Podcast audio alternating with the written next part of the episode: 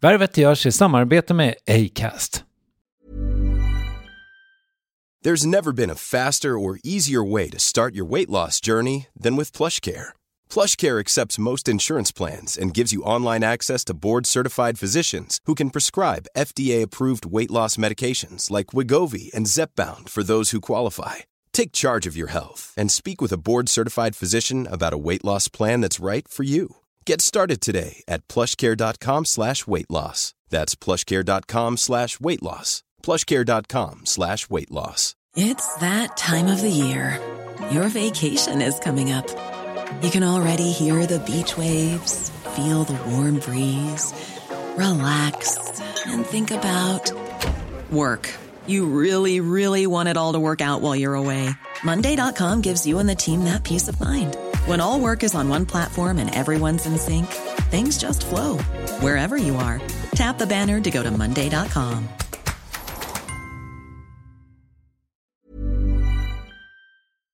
Värvet sponsras av SAS Eurobonus och SAS Eurobonus Mastercard. Och det här är ett budskap som jag tänker kan vara bra för den som antingen gillar guldkant på till exempel tillvaron eller för den som gillar att slå två flugor i en smäll. Om jag tittar på vad jag gör av med under en dag så är det typ 85% mat. Kanske tar jag en kaffe ute och relativt ofta unnar jag mig en lunch men framförallt så handlar jag middagskäk och det blir nästan alltid ungefär 327 kronor. Och jag är förvisso med i alla mataffärers kundklubbar så jag får väl något slags luddig poäng på mina köp, men får jag poäng på allt, överallt? Jag får ju inte det och det är dumt, för visst, Eurobonus kan användas till resor, lounger och uppgraderingar, men otroligt mycket mer, som att bo på något av de 250 000 anslutna hotellen som finns att välja mellan. Perfekt om man vill ha en staycation med sin partner eller så. Få poäng på allt överallt och det börjar på SAS Eurobonus Mastercard.se. SAS Eurobonus Mastercard.se. Tack SAS Eurobonus och SAS Eurobonus Mastercard.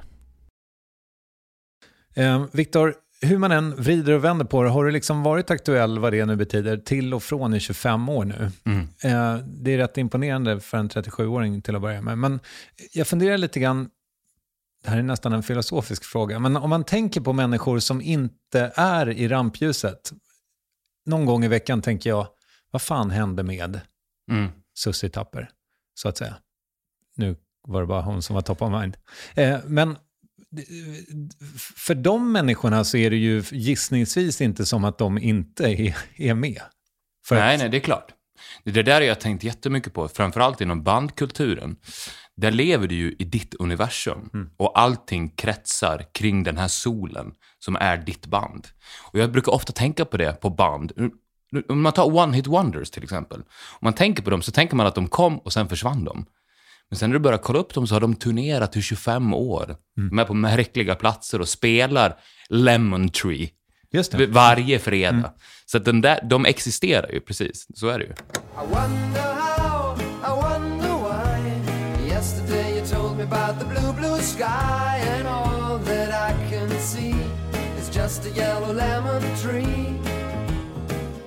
Vad kände du för Lemon Tree som låt? Jag älskar den. Jag hörde den första gången på Rivieran. Mina franska kusiner spelade den för mig.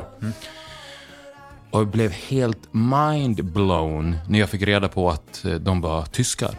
Fools Garden. Ja, just det. Otroligt att de var tyskar. Men den där, jag har tydliga minnesbilder av att jag åker i min morbrors bil i Antibes och lyssnar på Lemon Tree. Okej. Ja, vad härligt att det var soliga minnen. Jag, jag tyckte nämligen att jag hade väldigt svårt för den. Ja, jag förstår. Men, men, eh, Men jag var ung, väldigt ung. Jag var ett barn. Ja, Ja.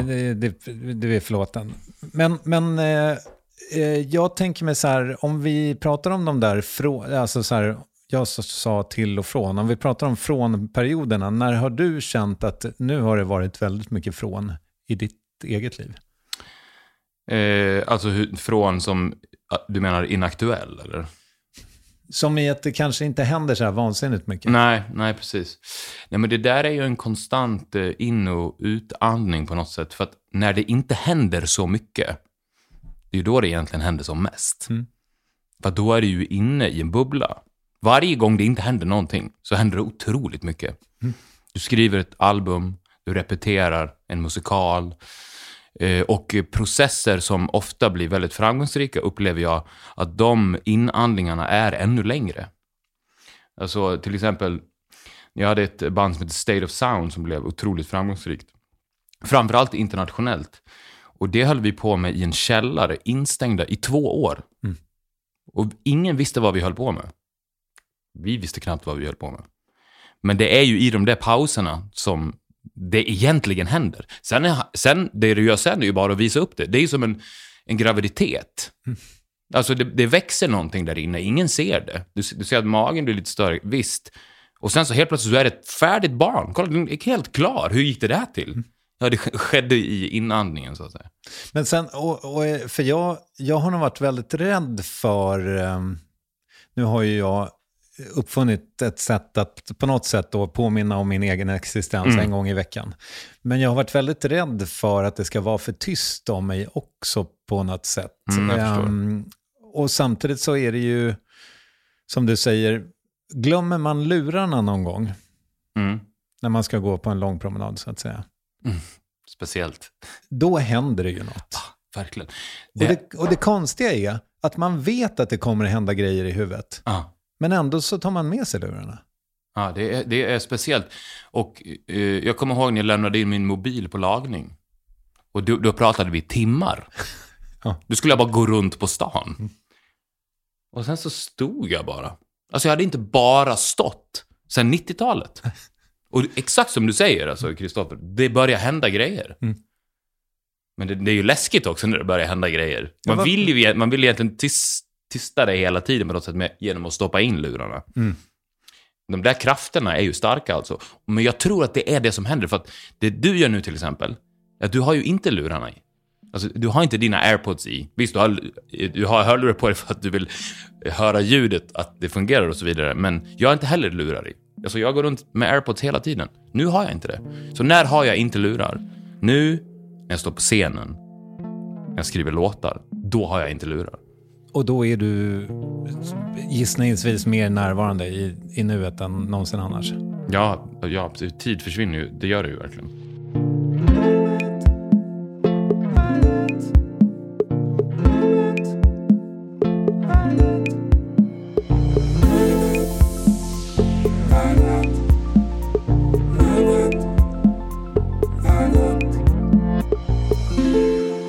Norén föddes alltså för 37 år sedan och är uppvuxen i Kvarnsveden, Borlänge.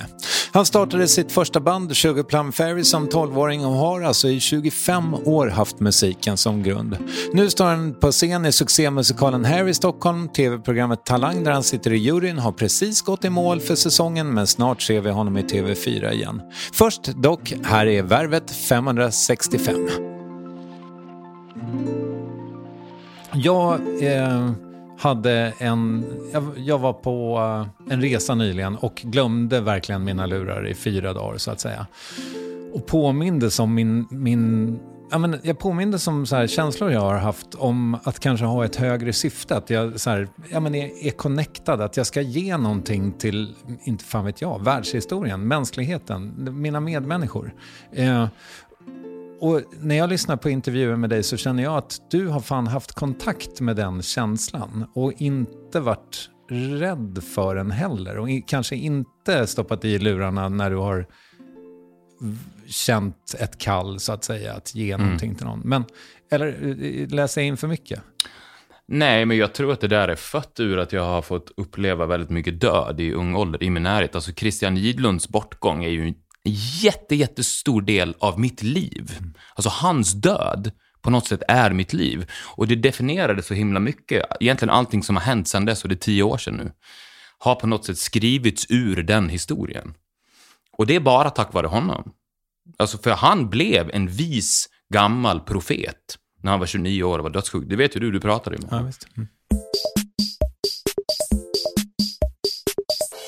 Hur eh, mår du idag? Jag mår ganska bra. Jag hade en väldigt stor dag och kväll igår. När min bok gavs ut igår. Och det var ju någon sorts frossa i Christian Gidlund. Det var ju märkligt. Eh, och han lärde mig så otroligt mycket eh, om livet. Så att jag, det var på något sätt som att jag skickade iväg under de här åren när han var sjuk, mellan 2011 och 2013, som att jag skickade iväg min själ på ett träningsläger. Och du vet, gymmade själen via världens bästa PT inom själavård, som då var Christian. I två år. Och så kom, ut- och kom ut på andra sidan, såklart med sorg över att jag hade förlorat min vän, men också med så mycket kärlek inför livet. Och kände nästan i varje stund syftet. Syftet, för det var det som han bankade in i oss. Alltså vi samlades, Christian och alla hans nära vänner. Och det, vi, vi föll ner på knä inför honom som lärjungar. Och han tröstade oss. Alltså det, det var så stort och han gjorde ju egentligen det ur ett större perspektiv också via sina texter och så vidare. Via sitt sommarprat eller via intervjuer med dig till exempel. Han, han var en tröstande röst. Och en tröstande röst som fortfarande inte på något sätt har tystnat. Och du, och, för då tänker jag mig att kommer man från liksom Dalarna, någon, något litet område, så borde man rimligen ha ganska mycket jante i sig. Men Mm. eh, vilket då att tala emot det här med att liksom, ja, men vad, ha kon kontakt med det där syftet egentligen. Mm. Det är det, tänker jag mig, jante har eh, givit oss. Ja, precis. Oklart riktigt, vad, vad ska vi med jante till egentligen? Det, för oss var det ju en enorm drivkraft. Alltså om du tittar på den generationen från Borlänge, den är speciell alltså. Jag, Gustav, Diamant Salio var en av våra bästa barndomsvänner. Christian, vi bodde i ett litet kvarter. Och vår drivkraft var ju Jante. Alltså när vi skulle starta band, då var jag 12 år gammal. Och jag var ju hiphoppare innan det. Coolast i klassen. Det Compton-tröja, Long Beach-tröja. Tjejerna älskade mig, alla killar tyckte jag var coolast i klassen. Och en dag så stod jag bara och tittade på gitarren. Och kände att jag måste ta upp gitarren. Men jag kan inte göra det om jag är hiphoppare. Ja, det, det För att en att hiphoppare tar inte upp en Mm. gitarr. Du har aldrig sett Snoop Dogg spela gitarr. Av någon sjuk anledning. Nej. Så att då, och när du är i den åldern, då identitet är så viktigt, så kände jag jag måste byta stil först. Så dagen till ära har jag faktiskt på mig en, satte på mig en polotröja. Mm. Och det var som att, du vet när Clark Kent får på sig dräkten. Jag kände liksom hur, det, blev, det var nästan som att tyget blev ett med min hy. Mm. Och tog upp gitarren och skrev direkt en låt. Och sen så kom till skolan dagen efter i jeans och polotröja. Och jag aldrig varit så utsatt hela mitt liv. Och det var ju Jante.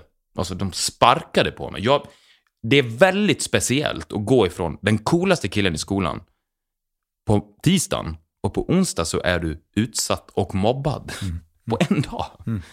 Och de fick ju en chock de här mobbarna. Men, men, men där, hos varandra, så hit, och, det, och det var ju såklart, roten var ju Dante. Vad håller ni på med? Vilka tror ni att ni är? Vilken jävla stil, sa de jämt. Vilken jävla stil. Jävla bögar. Vad fan håller ni på med? Hela tiden. Och det var ju... Undertexten var ju... Ni ska inte tro att ni är några. Vad håller ni på med? Men, men, men eh, om vi bara går tillbaka till eh, vad, vi, vad ska vi med det till då? Mm. Alltså det, och det tänk, men nu när jag tänker på det, det är väl ganska basalt va? Att Om, det är mycket lättare i en, en nu går vi tillbaka till grottan. Ja, ja. Mycket lättare ifall alla tycker likadant, ifall Ja, alla har precis. samma, samma tröja på sig. Ja, men jag tror att vad, vad vi ska med det till så tror jag att det är viktigt för drivkraft. Och jag tror att ju mer det försvinner, desto mindre drivkraft. Alltså om jag hade kommit till skolan och ingen hade brytt sig. Jag vet inte om jag hade känt den här enorma drivkraften då. Att vi, vi går till replokalen varje dag. Vi, vi festar inte. Vi går dit på fredagskvällar, vi går dit på lördagskvällar. Vi ska visa dem. Just det, ni hade er superhårda disciplin kring att inte fira något heller, förrän ni faktiskt hade något att fira. Exakt. Men ja, men kolla på det- Zlatan. Alltså hela, Zlatan har ju byggt upp hela sin fysik, skulle jag säga. Mm. Hela sitt fotbollsgeni på exakt det. Och han har det fortfarande. Alltså det driver honom framåt. Och säga vad man vill, han ger ju någonting till människorna. Och vad är det fött ur? Mm. Jante. Jag hör dig. Vänta nu, nu ska vi se. Firade ni någonsin? Det, det, säg, det berättas aldrig. Nej, vi, vi, vi, vi, var, vi var ju brådmogna tidigt. Eh, vi firade inte, jag kommer ihåg att jag och Christian hade krismöten hemma hos honom när jag var 13 och han var 15. Mm. När vi hade vunnit Gårdsrocken i Borlänge. Eh, och det var en stor grej då. alla lokala band tävlade mot varandra och man vann en demoinspelning. Men vi, vi kände så här, men ja, det här, det är vi har inte fått en spelning i Falun. Mm. Vad är det om? Mm. Och sen så tittade vi på affischerna på väggarna. Jag kommer att Christian hade en Oasis-affisch med hela deras turné i England. Det stod utsålt överallt. Och vi tittade på den där och sen så tittade vi på vårt pris och var så här. Vi har inte kommit någonstans. Vi har inte kommit någonstans. Och det, och det är så gulligt nu när man ser tillbaka på det, när vi satt där i pojkrummet. Eh, Men den där känslan följde med oss hela tiden. Och det var väldigt, väldigt speciellt också, alltså så som vi fick vårt skivkontrakt, vårt första skivkontrakt. Det var ett tröstpris. För vi var med om en helt otrolig upplevelse när vi var 16. För då fick vi, då efter många om och men hade vi fått spelningar i Falun, Västerås. Vi fortsatte repa och repa och repa. Likt idrottsmän så fick vi spelning i Stockholm. Spelade vi på Alcazar, eh, en klubb i Stockholm. Och då var Pelle Lidell, en förläggare, han var inbjuden för att titta på oss. Och han blev helt blown away när vi kom upp där. Och nu så här i backspegeln så kan ni förstå känslan. För att vi kommer upp, vi är, vi är 16-17 år och, och vi är så välrepeterade och så professionella. Och när en person ifrån musikbranschen upplever det så ser den ju direkt någonting, ja men det där är speciellt. Och, och Pelle Lidell under den här tiden, han var en tung spelare i musikbranschen. Och, och han gick igång så mycket så att han började ringa in folk från hela världen. Så han ringde in Sony England, Universal England till vår nästa spelning och hypade oss, hypade oss. Och sen spelade vi på ett annat ställe två veckor senare i Stockholm. Då kom Steve Lillywhite, som har producerat alla U2s första skivor. Hit, han som hittade U2. Han kom dit och eh, ser oss och blir helt exalterad. Springer in i logen och säger till oss, vi har precis kommit ur Kvarnsveden i stort sett, och säg till oss, ni är nya U2. Det här är det bästa jag sett sen U2. Han har precis börjat jobba på Mercury Records i England. Jag flyger över er till London nästa vecka. Vi ska signa er, ni ska flytta dit. Det är eh, Reading-festivalen nästa vecka. Jag bjuder er. Femstjärnigt hotell, vi kommer hämta er med limousin på flygplatsen. Och, vi, och jag förstår inget, och jag, vi tittar på varandra och vi förstår ingenting. Alltså hände det här nu? var hela tiden känslan. Hände det här nu? Eh, och vi flygs till Reading, de hämtar oss på flygplatsen. Vi åker dit, vi är backstage. Jag, jag träffar Paul Gallagher, kommer jag ihåg. Store bro, brodern till Liam och Noel. Jag står och pratar med honom. Och för mig då var det som att träffa ja, men, Jesus brorsa. För vi var ju fortfarande barn. Alltså fortfarande barn och, som såg upp till de här superhjältarna likt Turtles-gubbar. Alltså det var ju den känslan. Och vi, vi åker in med i den här karusellen och de pratar om så här, men vi, ni ska bo här i London. Och sen så börjar en förhandling. Och sen börjar Sony i England också flyga in och titta på oss och där. Så att de kastar så här kontraktförslag på oss så här, här, tre miljoner. Nej, vi bjuder fyra miljoner, vi bjuder fem miljoner, sex, sju. Och det där håller på och vår manager då, han ser ju, nu, nu killar händer det. Nu händer det. Det som det resulterar i, vilket jag förstår nu i efterhand, är att Lucian Grange, alltså högsta chefen på Universal, frågar ju Steve Lillywhite, ny på jobbet, vad fan håller du på med? Vad gör du? Är du galen? Har du hört dem? Och vi är ju då 17 år från Borlänge, sjunger väl på någon form av låtsas engelska nästan. Vi har ju en energi, men det är ju inte värt 10 miljoner för Universal England att satsa på oss. Så att, och då, det är det som händer då i en förhandling. Så helt plötsligt så drar Universal tillbaks sitt förslag. Vi flyger till London, desperata med vår manager, gör ett showcase på Barfly, spelar för Sony. Sony får också panik och vänta lite nu. Nu har vi dragits med i någon hype här. Så de drar sig också ur. Så vi sitter på Hotel Columbia i London och får ett samtal. Det här alltså sker inom två månader. De tackar nej. De tackar nej. Men Sony Sverige vill signa er. Så vi åker hem och får då i tröstpris att vi blir signade av Sony Sverige. Så redan där upp, upplevde vi det som nästan som en förlust. Alltså vi var så här nära kände vi. Och sen så signades vi av Sony Sverige och började turnera i Japan och sådär. Och det hände aldrig någonting mer i England. Men, men de där månaderna var så speciella. Jag gick fortfarande i gymnasiet. Sweet,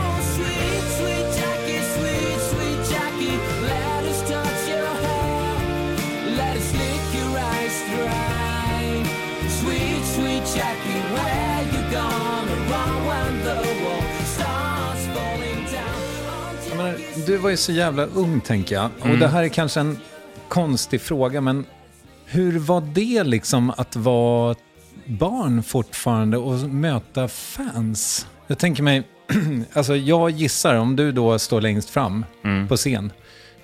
Det kommer människor som vill ha något av dig. Ja, ja. Hur var det? Eh, alltså jag tror att hela den där perioden känns fortfarande på något sätt som en lek. För, att, för vi hade ju, det vi hade gjort var att i replokalen så satte vi upp en turné. Vi skrev en turné. Nu är vi i Hamburg. Så körde vi ett helt gig. Och sen dagen efter så var det en ny, ny spelning. Och sen så var det som att vi bara flyttade ut den här leken ut i den riktiga världen. Och när man är så där liten, alltså jag skulle inte säga att jag var utsatt och sen så, som sagt, jag tror det hade säkert varit skillnad om jag var, om jag var en ung tjej. Jag var, men folk behandlade ju oss som, på ett sätt var det logiskt för att man behandlar rockstjärnor som barn. Och om du är barn så är det ju helt naturligt. Ska jag ta din väska? Vill du ha lite mer? Ska jag hjälpa dig med den där? Alltså man daddas ju runt som ett, som ett litet barn. Men med tanke på att vi var barn så föll det sig ju helt naturligt. Och du vet att så här, gå ut och skrika inför fansen, så där, det är också det är egentligen en ganska barnslig energi som, tycker jag, faller sig mer naturligt. Jag tror att det har, men man pratar ju ofta om att, men framförallt rockmusik, den skapas ju och görs bäst av unga personer. För att det är en ungdomlig energi. Samma sak med hiphop också. Det är en ungdomlig energi. Jag kommer ihåg det när jag lyssnade på hiphop, när jag gick på mellanstadiet, att jag tyckte att de, att de var så tuffa. Och det, det, är också, det är någonting man inte pratar om i debatten om, om eh, ja, men rappen, den svenska rappen ifrån orten. Alltså, det här är barn som tycker det här är jättetufft. Såklart! Och då, då glömmer man bort hur det var att vara barn. För det är tufft då med pistoler. Alltså när jag såg Tupac med en pistol, med barbröstet tatuerat Thug Life på magen och en pistol i byxorna. När jag var 11 år. Alltså det var det coolaste jag sett i hela mitt liv. Det är klart. Så jäkla coolt. Och det, så att, så att den, den där energi, och rock är ganska besläktat med det där, det är en barnslig energi. Jo, men, men hur var det för dig? Alltså, hur, hur, Jo, men det var det, det jag skulle säga. Så att för- mig så upplevde jag att jag befann mig på något sätt i, ändå i ett naturligt element. Alltså jag var där i samklang, tycker jag, med min ålder. Det var, jag kommer ihåg när vi, när vi var i Japan och skulle spela med... Vi var också ganska präktiga. För det var ju det som var grejen också, ur Borlänge. Borlänge på 90-talet, det var rough alltså. Det var mord, jättemycket knark, jättemycket amfetamin. Eh, festerna på helgerna på stan, de, de var brutala. Det var verkligen så här, ta det lugnt, för det kommer eventuellt ske ett mord ikväll. Eh, och vi var ju då, på något sätt, drivkraften var alltid att vara anti. Så vi blev ju lite präktiga. Eh, så vi stannade ju, vi, vi drack inte utan vi jobbade. Vi, nu ska vi gå och jobba, vi ska inte festa, vi ska jobba. Och sen så kastas du ut, kastas du ut i den här världen.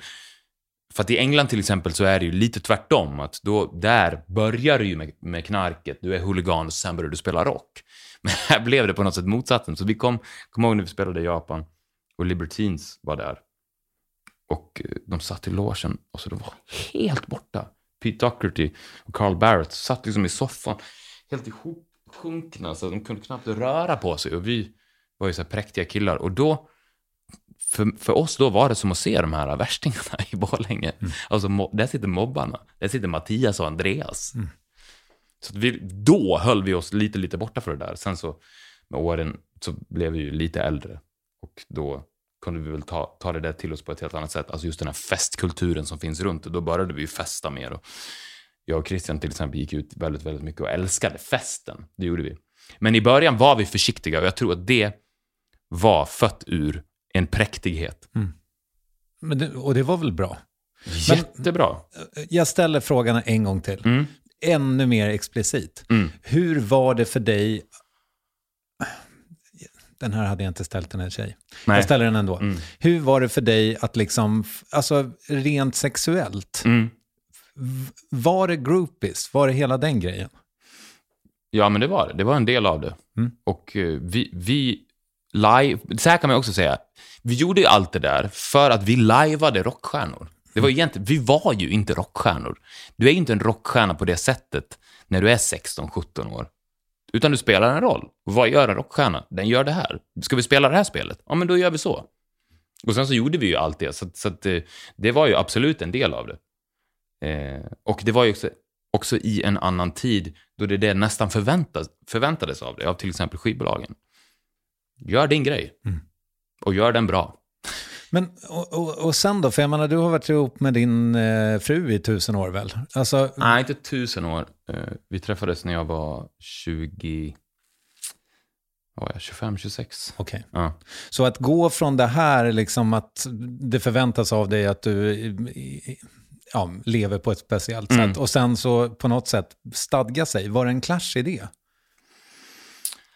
Eh, nej, jag tror inte det. För att, för att min, min drivkraft har, har egentligen, det har egentligen aldrig varit det där. Utan det, alltså roten har alltid varit musiken och nyfikenheten. Och just att jag har gått in i så mycket olika grejer hela tiden. Alltså min drivkraft har alltid varit, jag vet inte vad jag ska göra nästa år. Det är otroligt. För ett år sedan visste jag inte att jag skulle göra huvudrollen Hair. Jag visste inte att jag skulle sitta i Talangjuryn. Jag visste inte att jag och Gustav skulle göra det här tv-programmet på TV4. Jag visste inte det. Nej. För ett år sedan, och då är jag ändå etablerad artist. Men jag hade inte en aning. Jag visste dock att jag skulle göra någonting. Och den där kittlande känslan har inte lämnat mig än. Och den är ju ungdomlig. Vet du vad du gjorde?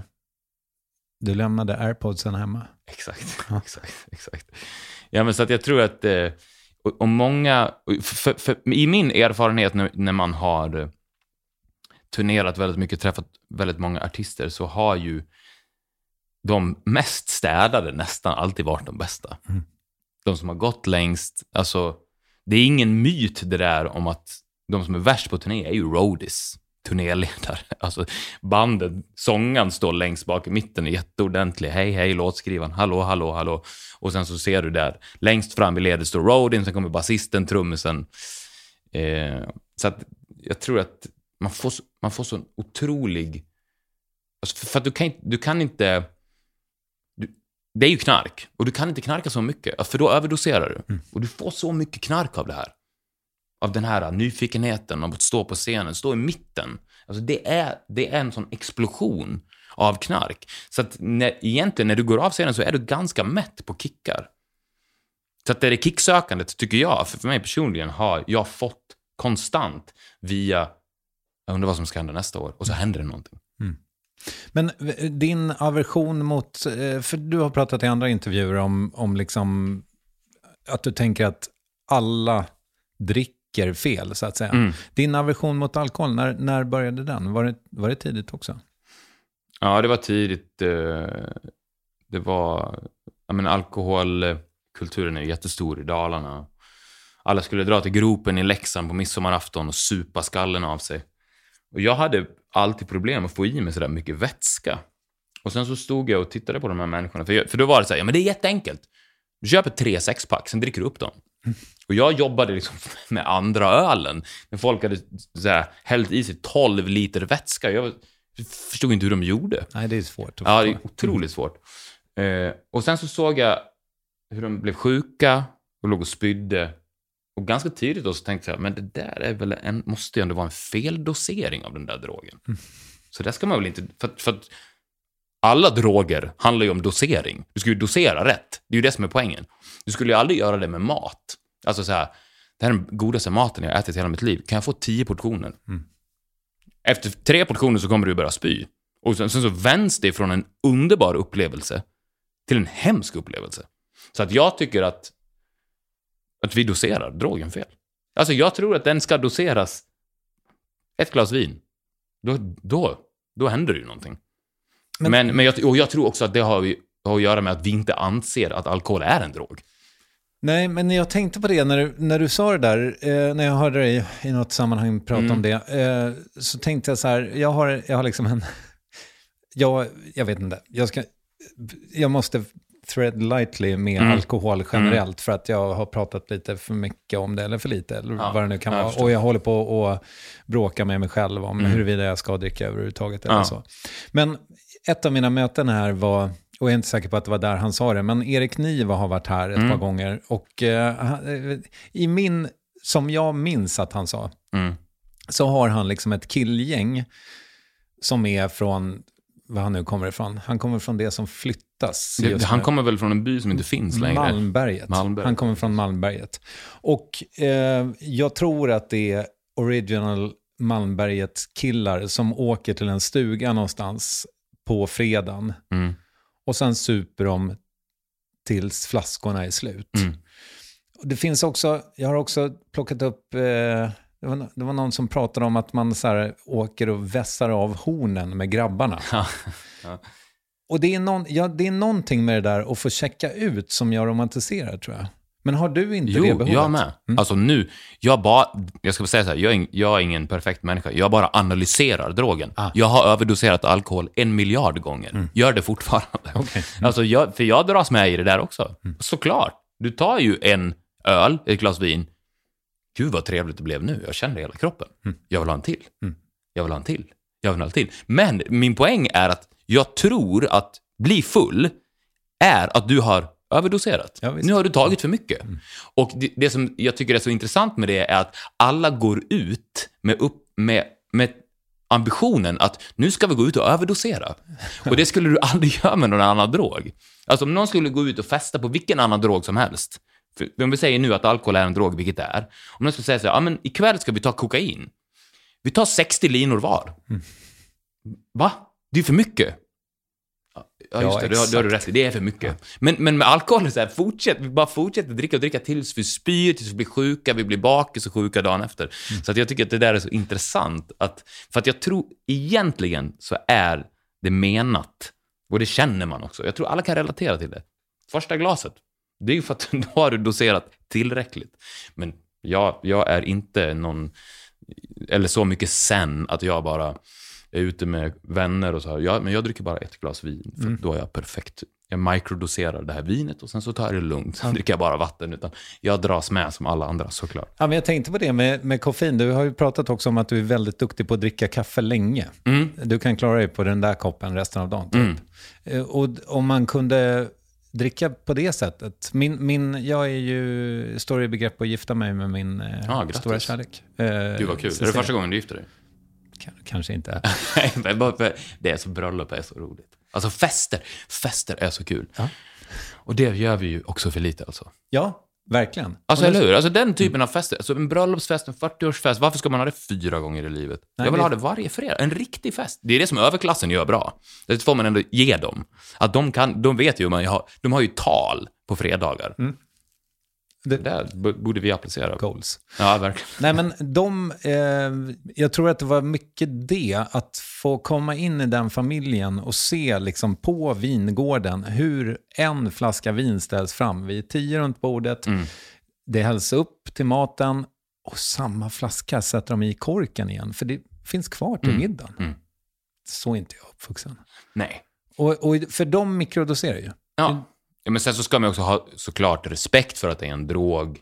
Folk blir missbrukare. Alltså alla, jag har aldrig känt att jag har missbrukat alkoholen. Men det är klart att du ska ha enorm respekt för att för vissa människor så händer det ju helt andra saker. När de har druckit en hel bag-in-box själv. Mm. Gud vad trevligt det blev.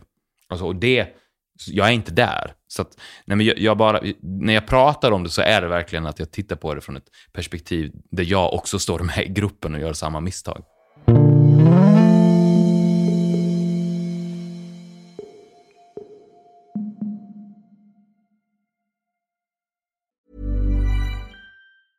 There's never been a faster or easier way to start your weight loss journey than with plush care.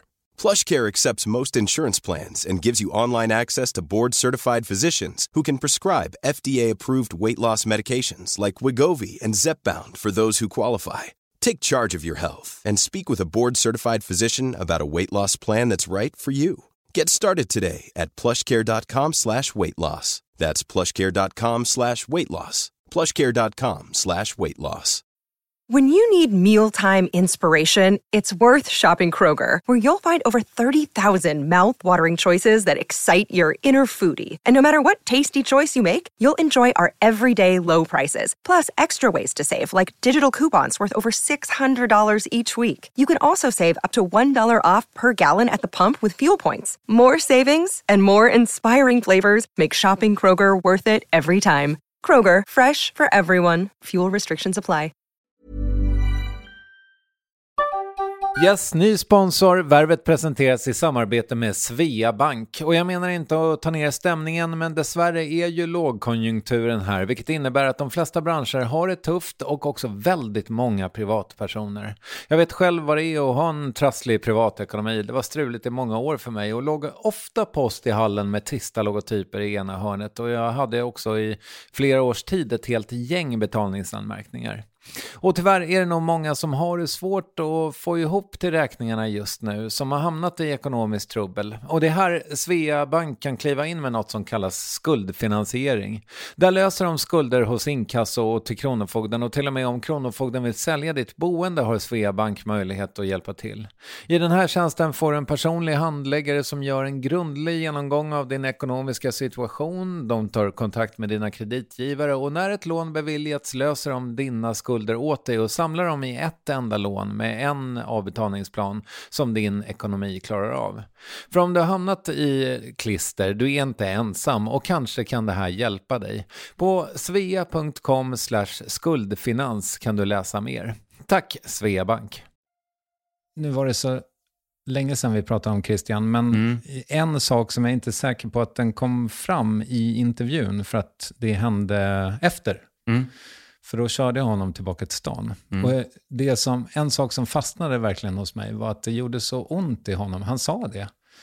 När vi åkte igenom norra Ängby, vet du hur det ser ut ungefär? Nej, vagt. Eh, Det är, i ett område så är det så här egna hemsvillor. Så att alla hus är exakt lika stora och sen så är de i olika färg. Mm. Och han tittade ut på det där området och, och så sa, jag minns inte exakt vilka ord han sa, men han, han berättade att det gjorde ont. Och jag frågade givetvis varför. Mm. Och så sa han, men för jag kommer aldrig få bo i ett sånt där. Nej. Jag kommer aldrig få ha barnen som ska Nej. skrika i och, Mm. och skratta och gråta. Och det var så jävla fint på något sätt. Att han var så... Du pratar ofta om hans klokhet och jag förstår att den finns där. Mm. Eh, men det var också så fint, eller och det var också så fint att han var så sårbar i det på något sätt. Ehm, Ja, såklart. Mm. Alltså det där var ju en enorm sorg för honom. Eh, just det där, han, han har ett stycke i sin bok där han skriver till sitt ofödda barn. Vackraste, underbara unge. Vi kommer aldrig att ses, men jag älskar dig ändå. Det har jag gjort från första gången som jag kom att tänka på dig. Jag har längtat efter dig sedan dess. Längtat efter att få hålla om dig, efter att få dela hemligheter, skratta och gråta. Leka över sommarängar och springa genom stormar. Ja, men han, var ju, han var ju en människa i, samtidigt som han var den här vice profeten. Eh, men eh, han förstod ändå på något sätt tiden och hur viktigt det var för honom att få de här sakerna sagt. Så att han hade ju en enorm sårbarhet. Han var ju, han var ju dödssjuk länge. Alltså. Eh, men han, så att jag, jag skulle säga att han, hans klokhet och hans vishet varje dag gick en boxningsmatch mot hans sårbarhet och hans personliga sorg. Och varje dag så tvingade han eh, visheten att vinna den matchen. Eh, men det är såklart, alltså när mikrofonerna stängdes av och han stängde datorn och inte skrev längre så, så, så, så skakade han ju av ångest också. Jag tänker också på, eh, när vi pratar om det här med liksom er eh, gemensamma disciplin och det där. Mm. Eh, nu verkar det som det blir folk och mina barn, de är 11 och 14. Mm. Eh, dina barn är lite yngre, Mm. men jag funderar lite grann, och det, det är ingen ny tanke tror jag, men de, har ju, de vet ju inte vad det är att ha tråkigt längre. Och det visste ju ni. Tror oh jag. ja, oh ja. Jag, säger det, jag försöker säga det till mina barn hela tiden. Jag säger, jag säger till dem så här, stäng skärmen. Mm. När, ta, när, din, när tanken kommer, för den kan du inte kontrollera, jag vill titta på skärm, gör någonting annat. Gör, gå och rita. Gå, en, gå runt bara, gå runt. Alltså som, som om att de skulle sluta röka. Mm. Gör det. Kolla vad som händer. Ge det en vecka. Ge det två veckor. kolla vad som händer. Det är ju fortfarande inte hänt. Nej. Men, men, men jag, jag är helt övertygad om, alltså, och det kan ju verkligen låta som griniga gamla gubbar. Ja, när vi var unga då hade alla tråkigt. Men det där är ju, det är så nytt också. Det är så otroligt nytt. Och, så, och jag, jag tror att vi är skolade i det. Alltså, och det är därför vi kan vara så här kreativa. Att, att vi, kan, vi kan ha tråkigt. Vi kan ha tråkigt. Och vad händer då? Alltså det är inte en tripp för oss att ha tråkigt. Det är ju en tripp för dem att ha tråkigt. Alltså då, det är ju så skruvat så de, de börjar ju liksom rota i lådor. Nästan, du vet, så det blir som att ha djur hemma helt plötsligt. Vad, vad håller ni på med? Men jag har ändå på något sätt hopp, för jag ser att när, när de väl hamnar i det, när det tänds någonting, och till exempel när min, min son har blivit helt besatt av fotboll, och när han börjar spela fotboll, efter en halvtimme, då har han glömt skärmen. Och då kan han, han kan spela, han kan spela så länge. Han kan spela så länge. Och man ser att det händer saker i honom. Man ser att hans hjärna som har vilat varit på flight mode helt plötsligt bara tänds till liv. Visst. Så att eh, jag tror att eh, de måste ju... Jag, jag tror att det är vår uppgift att, att, att lära dem det. Alltså. Det tror jag också. Nu är jag, jag är så jävla glad för min stora grabb, min biologiska. Han Mm. har ju det där varje dag när han spelar basket. Ja. Och det är, ja, men det är så fint att se. Mm. Ja, det är, det, det är så vackert. Och, det, och, jag, och jag- vet också, ja men till exempel när vi, när vi repeterade för Hair, och vi repade då sex dagar i veckan mellan klockan 10 och 5 varje dag. Och under hela den här perioden så hade ju jag inte min telefon. Och det här pågick ju i två, tre månader. Alltså sex dagar i veckan, ingen mobil mellan 10 och 5. Och det, det enda anledningen till att det fungerade, för att jag tror att vi är på många sätt lika skadade som barnen, eftersom vi är ju en del av det också, var ju för att man var inne i det här kreativa ruset. Och, klart. och hade också ett schemalagt kreativt rus. Alltså tvingat in det. Nu är det så att vi repeterar mellan 10 och 5 varje dag. Och, det, och började må så bra. Man mår så otroligt bra. Även fast jag borde varit helt fysiskt utmattad, trött, psyket nästan sönderslaget av alla nya intryck och så vidare. Men, men tvärtom. Alltså fick sån energi. Men du, jag, jag, du var lite inne på det här, eventuellt, sorry om det blir hattigt, men jag vet ju att du, eh, ja, du sa det också, att du har sagt ja. Jag har ju eh, en Ja, liten, liten samling här med, Mm. med och det är inte bara mitt eh, favoritord, utan det är även Carl Bildts. Men när blev jag ditt motto? Jag ska bara säga, jag pekade alltså på mina tatueringar. Ja, jag har tre ja, stycken i min eh, blygsamma, men den, den ska växa. Ja, we och yes. Ja, tre vackra språk också. Eh, nej, men jag tror att det blev det men ganska tidigt. Och jag kommer ihåg... eh, Alltså, det, det, det, är lite fött ur mitt dåliga lokalsinne också, måste jag säga. Alltså jag, jag tror att det är en kombination av, av nyfikenhet och dåligt lokalsinne. För att jag hade ju dåligt lokalsinne innan mobiltelefonerna. Alltså innan Google Maps. Och det var ju ett handikapp. Alltså ett otroligt dåligt lokalsinne. Vilket gjorde att jämt sen när vi skulle eh, ta oss tillbaks till hotellet, eller om jag skulle själv ifrån spelningen och sådär, så visste jag aldrig var jag skulle gå. Och då var jag tvungen att prata med människor och då var jag också hela tiden tvungen att säga ja, för att annars, jag visste så här, annars kommer jag sova i rännstenen i natt. Så där, kan du följa med hit? Ja, men jag gör det. Och sen så märkte jag sådär att när man säger ja, det är ju då det börjar hända saker. Och jag märkte också tidigt att även om det går åt helvete så kan du inte ångra det om du har sagt ja. Alltså om jag, om man tar ett konkret exempel då, till exempel, och det, jag är helt övertygad om det, att om jag säger, får en, eh, en förfrågan ifrån TV4, vill du sitta med i Talangjuryn? Då kan jag ju säga ja eller nej. Och jag kan säga ja, och ponera då att jag skulle sagt ja, var med där, Jag hade gått åt helvete, jag hade blivit sågad, människor hade börjat hata mig. Så hade det ändå tagit mig vidare. Nejet hade gjort att jag stod still. Det stänger på något sätt. Ja, precis. Och det är ju för att du rädslor såklart. Alltså, så att, så att jag tror att på något sätt eh, min uppväxt byggde en väldigt stabil grund till det här huset. Vilket gör att du då kan ju dekorera taket På väldigt märkliga sätt. Mm. Det går ju bra. Du står ju still ju. Huset står still. Och det tror jag är ro, eh, roten är eh, min uppväxt. Så du, jag tror du måste ju vara trygg för att kunna säga ja till saker. Ja, men hur, för jag menar, ni var ju ändå en diger syskonskara, eller ni Mm. fyra va? Fyra, ja. Ehm, hur, hur hinner två föräldrar ingjuta liksom den stabiliteten i, i den unge Victor Norén, så att säga?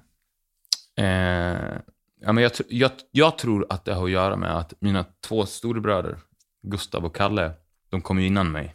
Eh, och de var mammagrisar. Mamma, mamma, mamma, mamma. Så de var på mamma hela tiden. Så när jag kom som nummer tre, så hamnade jag naturligt hos pappa.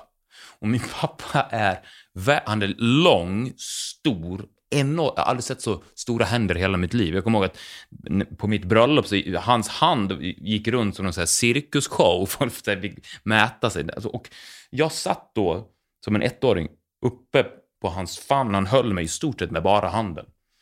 Ja, det är ingen fara, Viktor. Du behöver inte vara orolig. Det här tar vi hand om. Men du, och, och mamma är lite mer så här, "Ja, men vad är det som händer nu? Mycket mer energisk. Så här, Pappa är otroligt lugn. Så att jag växte upp på hans arm.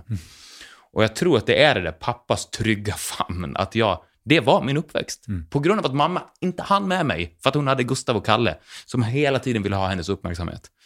Och så jag hamnade med pappa och han gick runt, alltså han, till och med när han klippte gräset, så höll han gräsklipparen i en hand och mig i den andra. Ja, nu, och vi hade en enorm trädgård också, så det där var väl ett arbete på tre timmar någonting.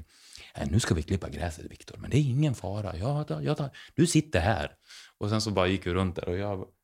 Så jag växte upp på 1,87 höjd. På den här trygga, i den här trygga famnen. Och kände på något sätt då att hans trygghet fördes över in i mig. Han, är, han är en otrolig eh, människa, min pappa. Alltså. Hur mår han? Han mår jättebra. Han, han, har, han har aldrig brusat upp sig i hela sitt liv. Eh, jag vet inte var det där kommer ifrån. Han var, jag vet att han var väldigt bortskämd som barn. Han var enda pojken. Eh, och eh, Norens på den tiden, det var en ganska... Alltså, min farfars far, John Norén, han hade Norens herrekipering i Borlänge. Så det var en, en släkt som han hade respekt för. Och det här var den enda sonen, Jan Norén, som visades upp. och eh, fick lite som han ville, tror jag. Eh, och eh, jag tror att de också sa till honom att ja, men du, kan, du kan bli vad du vill, Jan. Du kan bli vad du vill, Jan. Bara var lugn, bara var lugn. Men Norén, hela Norén-släkten är väldigt, väldigt lugna. Så att jag tror att han fick ett självförtroende med sig väldigt, väldigt tidigt. För det är ju det som är grejen, om du är bortskämd, du får ju också bra självförtroende.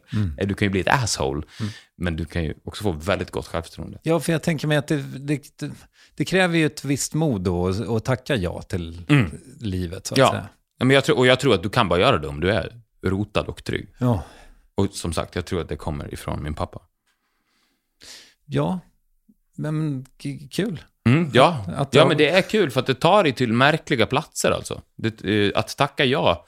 ja men, och, och du kan ju så enkelt backtracka. Alltså jag fick ju då en eh, förfrågan 2016 om att göra huvudrollen i American Idiot-musikalen på Cirkus. Och det var ju en bizarr fråga på många sätt för mig då. Alltså musikal var så långt ifrån det jag höll på med.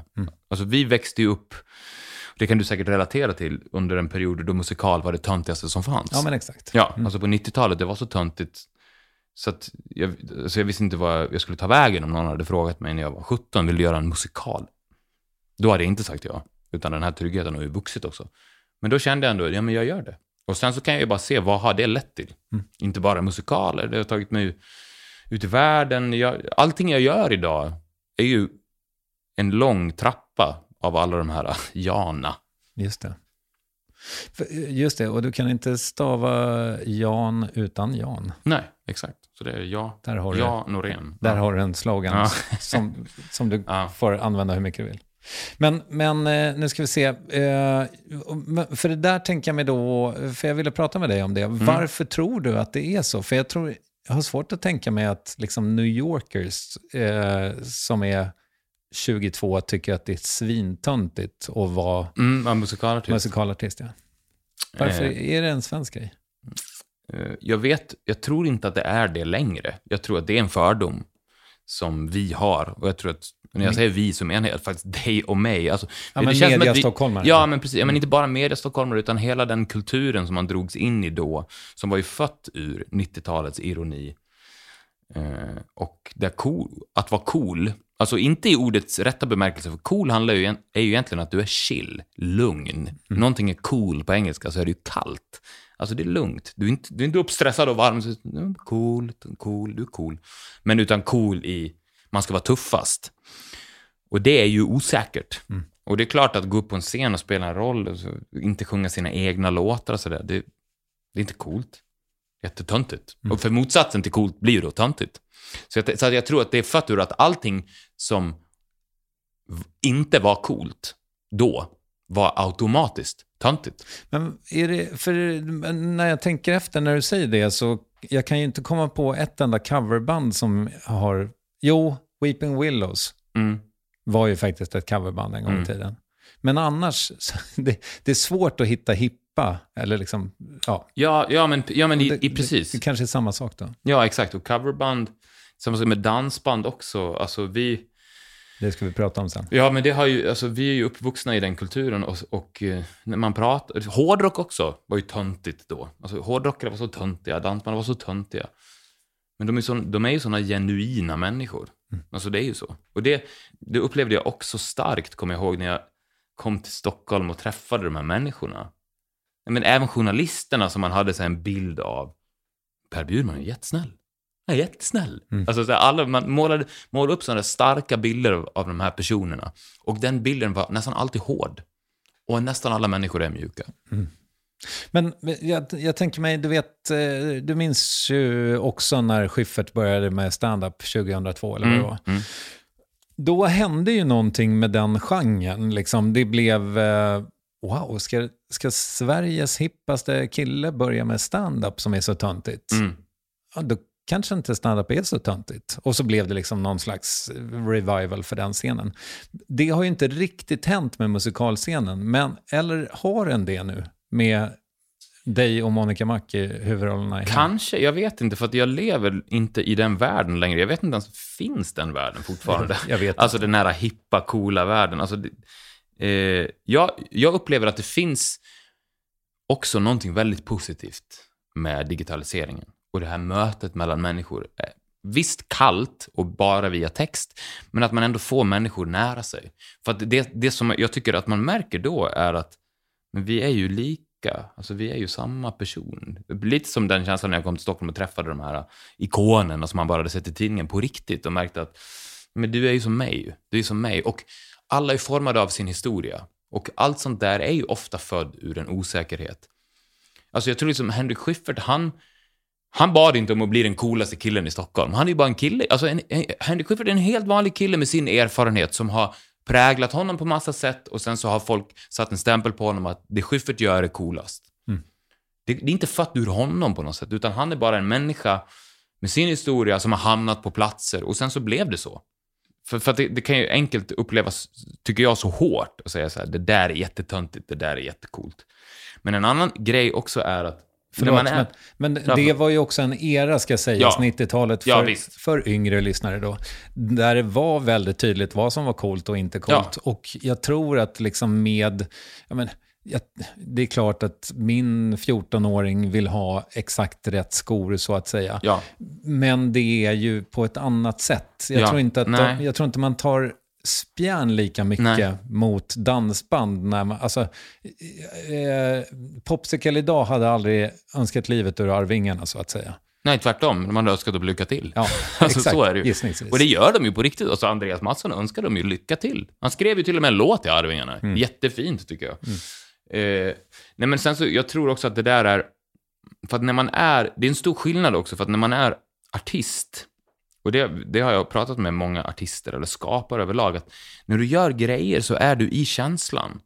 Och eh, då analyserar du den inte. Alltså du kan, när du är mitt uppe i den, så kan du inte recensera den. Alltså om du är på en spel... Jag har haft jätte, jätte starka musikaliska ögonblick på konserter. När jag har varit mitt i musiken. Det har varit helt omöjligt för mig att skriva en recension efter det. För att jag tycker att poängen med det är att det tar vid där orden tar slut. Så hur ska jag kunna förklara det här i ord? Det går ju inte. Men om du ska recensera spelningen, då kan du inte gå in i känslan. Alltså Marcus Larsson kan inte ställa sig längst fram på Springsteen och bara släppa allt och vara mitt uppe i det, utan han måste stå utanför och titta på känslan och sen titta på känslan och sen skriva ner känslan. Och det är så, all respekt till honom, det är hans jobb. Det är så journalister måste jobba. Men om du är artist så blir, du, blir det ju så att du alltid är i känslan. Alltså om du, går, om du ska göra musikal så är du i känslan. Och då kan du inte när du gör det tänka, men det här är ju töntigt. Alltså förstår du? För att du är mitt uppe i det. Ja, och sen så tänker man också att liksom, man exponerar sig för töntigt, så att säga. Eller risken att vara... Eller, nu kanske jag har fel, men jag, säger, jag tänker tanken färdigt ändå. Jag såg precis eh, om när Robin gör Björk på Polarpriset.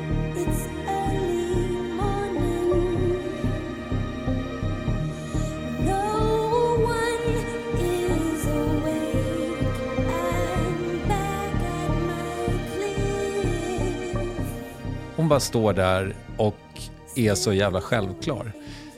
Det är liksom beyond töntigt eller coolt. Ja, jag förstår. För, Förstår eh, alltså, För det är så självklart. bara. Så det, man kan inte recensera det med de parametrarna. Nej, precis. Och det är exakt så, så som du säger också. Om det är självklart, då är det ju också rotat. Och då kan det inte vara töntigt. För att jag tror att det, det, det är det som var töntigt som man hela tiden petade på med en pinne på 90-talet. Det var ju en osäkerhet. Liksom, snygga byxor. Jag tycker egentligen inte att de är snygga. Och sen så person, mottagaren blir osäker då. Tycker du att jag har snygga byxor eller har jag inte snygga byxor? Ja, en osäkerhet. Ja, vi petar en gång till. Snygg t-shirt. Menar du att jag har en snygg... Nej, jag menar att den är ful. Alltså, förstår du? Och, och om, om, om det är en rotad person, snygga byxor. Nej, men tack! Gud vad kul! Ja, de här är jättesköna. Köpte dem på, på Coop här. De har ju tre för två. Det är jätte, jättepraktiska byxor. Alltså, förstår du? Då, då dör ju hela den grejen, för då finns ingen poäng med att stå och peta med det där. Ja, vad kul! Kul att höra om byxorna. Tack, vad roligt. Eh, men sen så tror jag också att det, det, det som jag menade tidigare när jag sa det här med att jag tror att det finns något positivt med de sociala medierna, är ju att vi människor, det är så uppenbart att vi ska vara en grupp. Och det du gör med sociala medier är att du tar ju bort individens kraft. Om du hela tiden ska titta upp, vad tycker han? Vad tycker hon? Okej, det är inte coolt. Okej, då vet jag det. Och, och när vi blir en större och större massa bara, så försvinner ju det där lite i, i havet av alla, alla människor och alla, alla åsikter. Alla tycker allt om allt hela tiden. Och det tror jag tar bort ändå den här cool, töntigt. Gör vad du vill. Gör Ja. vad du vill. Bor du på Söder? Nej, jag bor på, i Vasastan. Okej. Jag bodde på Söder länge. Men... Ja, jag fick, eh, eh, det var så roligt för att jag, eh, jag vet inte varför jag säger det, men jag gick förbi, ehm, det, det ligger en bar på Skånegatan, ingen aning om vad den heter för det stod inte, men de, de hade satt upp, på en bit kartong hade de gjort en inne och en utelista, Jaha. eh, som ett slags skyltfönster Okej. bara. Och så var det typ så här, ja men, eh, Café Latte var typ ute. Ja. Alltså, det var så roliga grejer. Och jag bara, just det, så kunde man göra också. Alltså, Ja, ja, det var en skärva av ett annat liv. Ja, precis, En exakt. annan tid. Ja. Eh, men om man ska hårdra det så är det väl jättebra att inne och utelistan försvinner, eh, så att säga. Absolut. Det är lite där mot det vi är på väg. Ja, och jag tänker också, det är ju enkelt att tänka så här, det är ju tiden. Det är ju tiden, det handlar inte om personerna. Mm. Alltså det är så här, man pratar till exempel om, jag menar Alex Schulman, han gjorde en ut och innerlista, vad höll du på med? Det var inte hans fel. Han var en del av tiden. ja, alltså du kan inte skylla på honom då. Så att det, du har ju helt rätt. Så det gäller ju att vara medveten om vilken tid du lever i.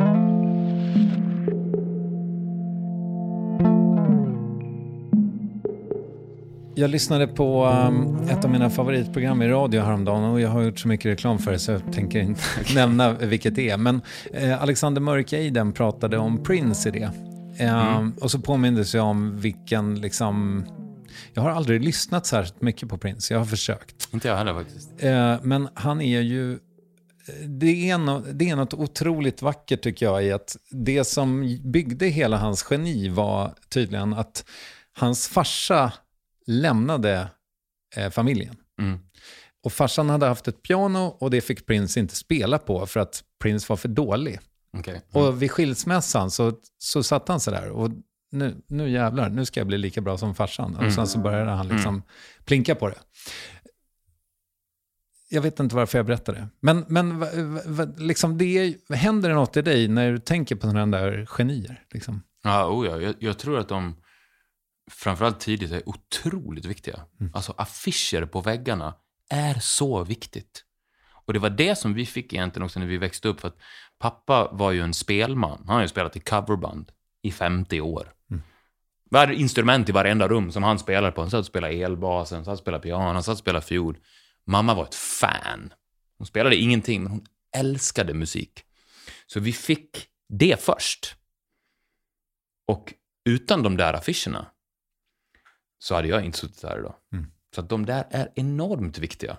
Alltså ikoner är jätte, jätteviktiga för människor. Alltså det, och det är ju inte exklusivt för musik på något sätt. Men jag, jag gästade en fotbollspodd och jag, jag sa det också. Zlatan, riv bort Ronaldo-affischerna från hans pojkrum. Han hade inte varit där han är idag. Alltså det är så viktigt för att det föds ur det.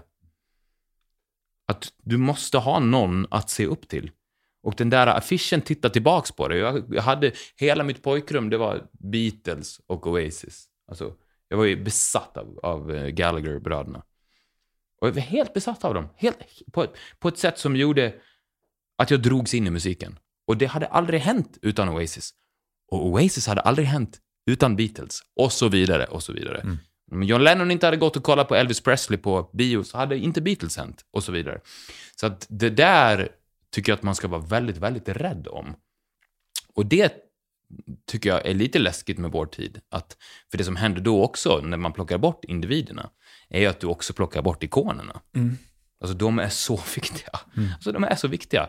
För alla, alltså alla människor du träffar har en sån historia om affischerna på väggarna. Och om de här väggarna ekar tomt, då kommer du inte plocka upp gitarren.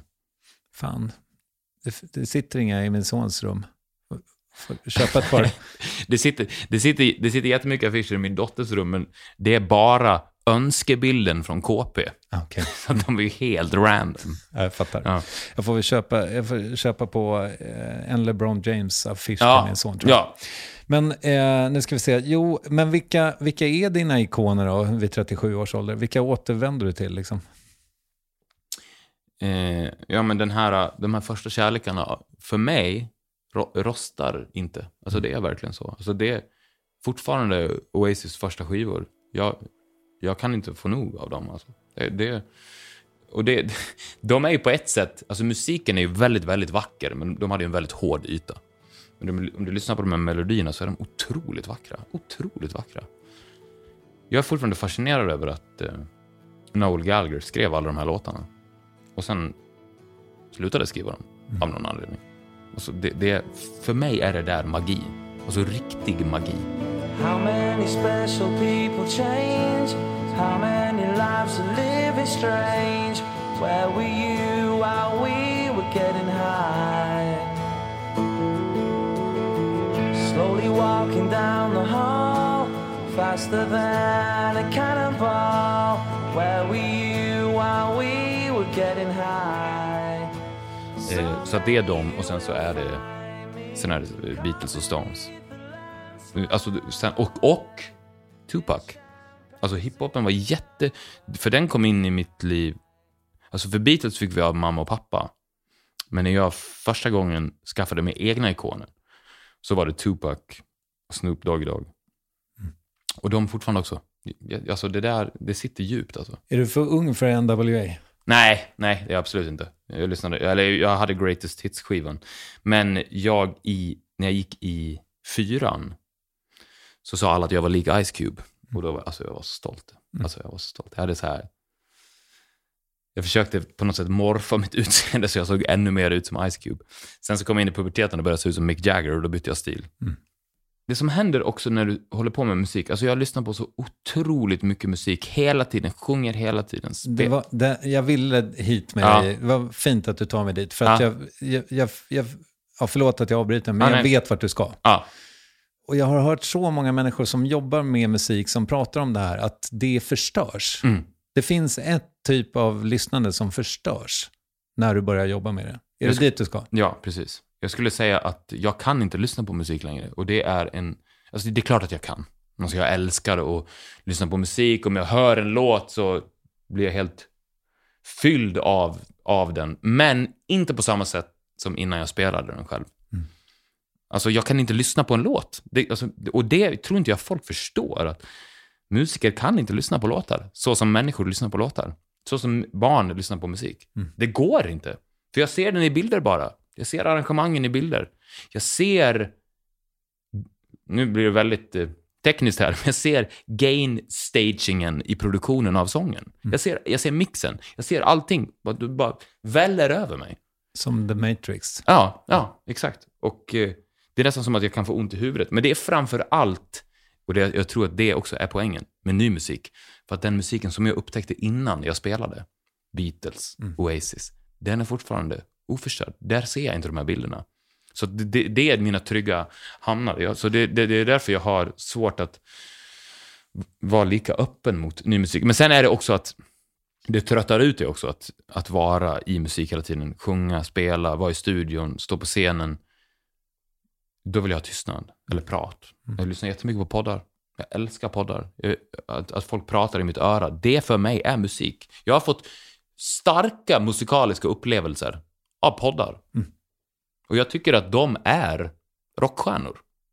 Tack. Eller ni. Tack. Eh, Men det är intressant det där.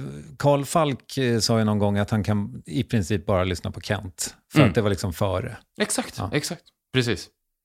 Men finns det fortfarande musik som är så här, what the fuck gjorde de där? Hur, hur, hur gick det här till? Att du inte knäcker koden? Ja, men då handlar det ju mer om låtar. Alltså, och, och för mig är det alltså magi. Och det är det som är grejen också. Max Martin kan inte förklara hur han gör. Han kan inte förklara hur han gör. Alltså han skulle kunna sitta och analyseras om och om igen i år. Ingen skulle sä- kunna säga så här, jaha, men det är så han gör. Är det ingen som kan förklara hur Burt Bacharach gör? Eller hur Johnny Mitchell gör? Eller Dolly Parton gör? Eller John Lennon gör? Alltså så här, och de själva kan inte heller förklara det. Och det är det som är grejen.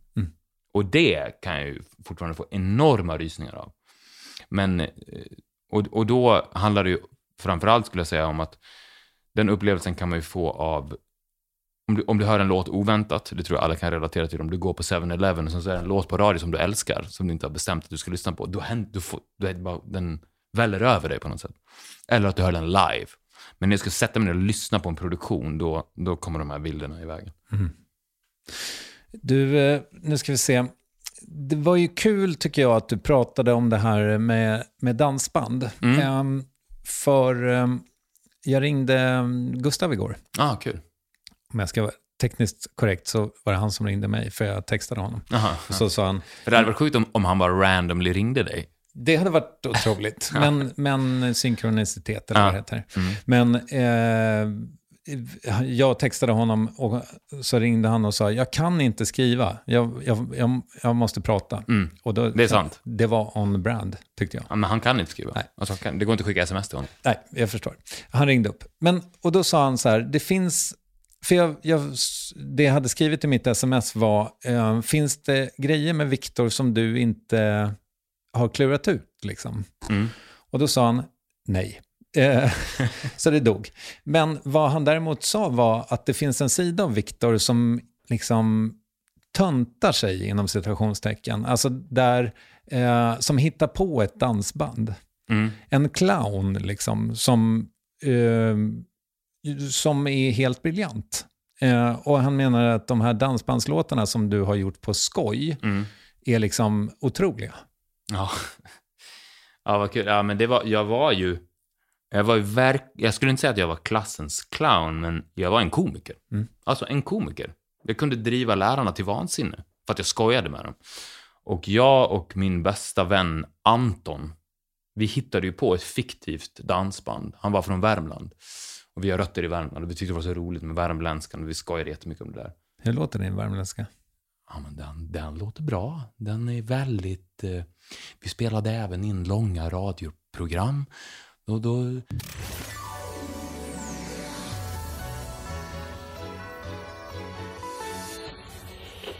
Då satt vi bara och improviserade och sa hej och välkommen till P4 Värmland. Väldigt lugnt och skönt i studion. Vi ska bara, alltså sådär, den, den den är så harmonisk och sen så, den är så, man snackar om töntig. Alltså det var ju det också, alltså den, den var vacker och töntig och det finns, det finns ju någonting vackert med, tö, med töntar inom citationstecken också. Nej men i alla fall, så då skrev vi en, en hel platta Ja, wow. till det här dansbandet. Är det här länge sedan? eller? Det här är jättelänge sedan, jag var 14. Men vad har hänt med den där clownen idag då? Eh, ja. Jag tror att den clownen finns ganska mycket på scenen med mig och Gustav. För att det som hände med våra konserter, alltså våra konserter är ju, får man ändå säga, märkliga. Det är vi, de är ju födda ur 100% improvisation. Alltså första turnén vi gjorde tillsammans, och, det, det, och hela vårt sam, det här samarbetet som vi har nu då, eller vad- eller vad man ska kalla det, det var ju bara för att jag lämnade State of Sound och ringde Gustav som en bror och var ganska desperat för att jag var så här, jag har inget musikaliskt sammanhang för första gången i mitt liv och jag vet inte vad jag ska göra, jag kan ingenting annat. Jag kan bara musik. Vad ska jag, hjälp mig Gustav, hjälp mig. Du, du, för han hade ju hoppat av Mando Diao och då var han så här, lugn, blev han Jan Norén, lugn, lugn. Vi åker ut och spelar. Vi får se vad som händer. Och då drog vi iväg med några grannar som han hade i Dala-Floda, spelmän. Och eh, bokade upp en turné och åkte ut och spelade. Vi hade knappt repat låtar. Men det som föddes då var en, en dialog mellan mig och Gustav, för Gustav var också en clown. Som blev väldigt rolig. Alltså vi har jättemycket skratt på, på våra konserter och vi skämtar jätte, jätte, jättemycket. Och eh, även i vårt tv-program som vi har eh, gjort på TV4, det är också, det är komik och musik och jag tycker att de är väldigt eh, besläktade. Timing i musik och timing i komik. Du kan spela exakt samma låt, men om du inte har timingen så blir det inte bra. Du kan berätta exakt samma skämt, om du inte har timingen så blir det inte kul. Så att jag tror att den clownen får, får, får leva på scenen tillsammans med Gustav. Ja, det är ju någonting, han var ju också på någonting där med liksom att man då iklär sig en roll som värmlänning som håller på med dansband. Eller om man kollar på dagens artister, nu sk- skrev jag upp liksom Daft Punk också, de var ju väldigt tidiga, men Fröken Snusk, mm. One Cuss, liksom, att, man är, att man har mask. Är det någonting med friheten i det? Det skulle det hjälpa dig ifall du fick... Ja, du kanske redan har gjort det? Ja, för, och jag tycker att det är det jag får utlopp för i musikal. Mm.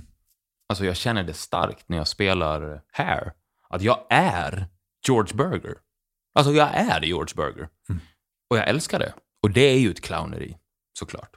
Den är också komisk i, i stunder. Och det handlar väl egentligen, clown handlar väl egentligen om att du är en skådespelare.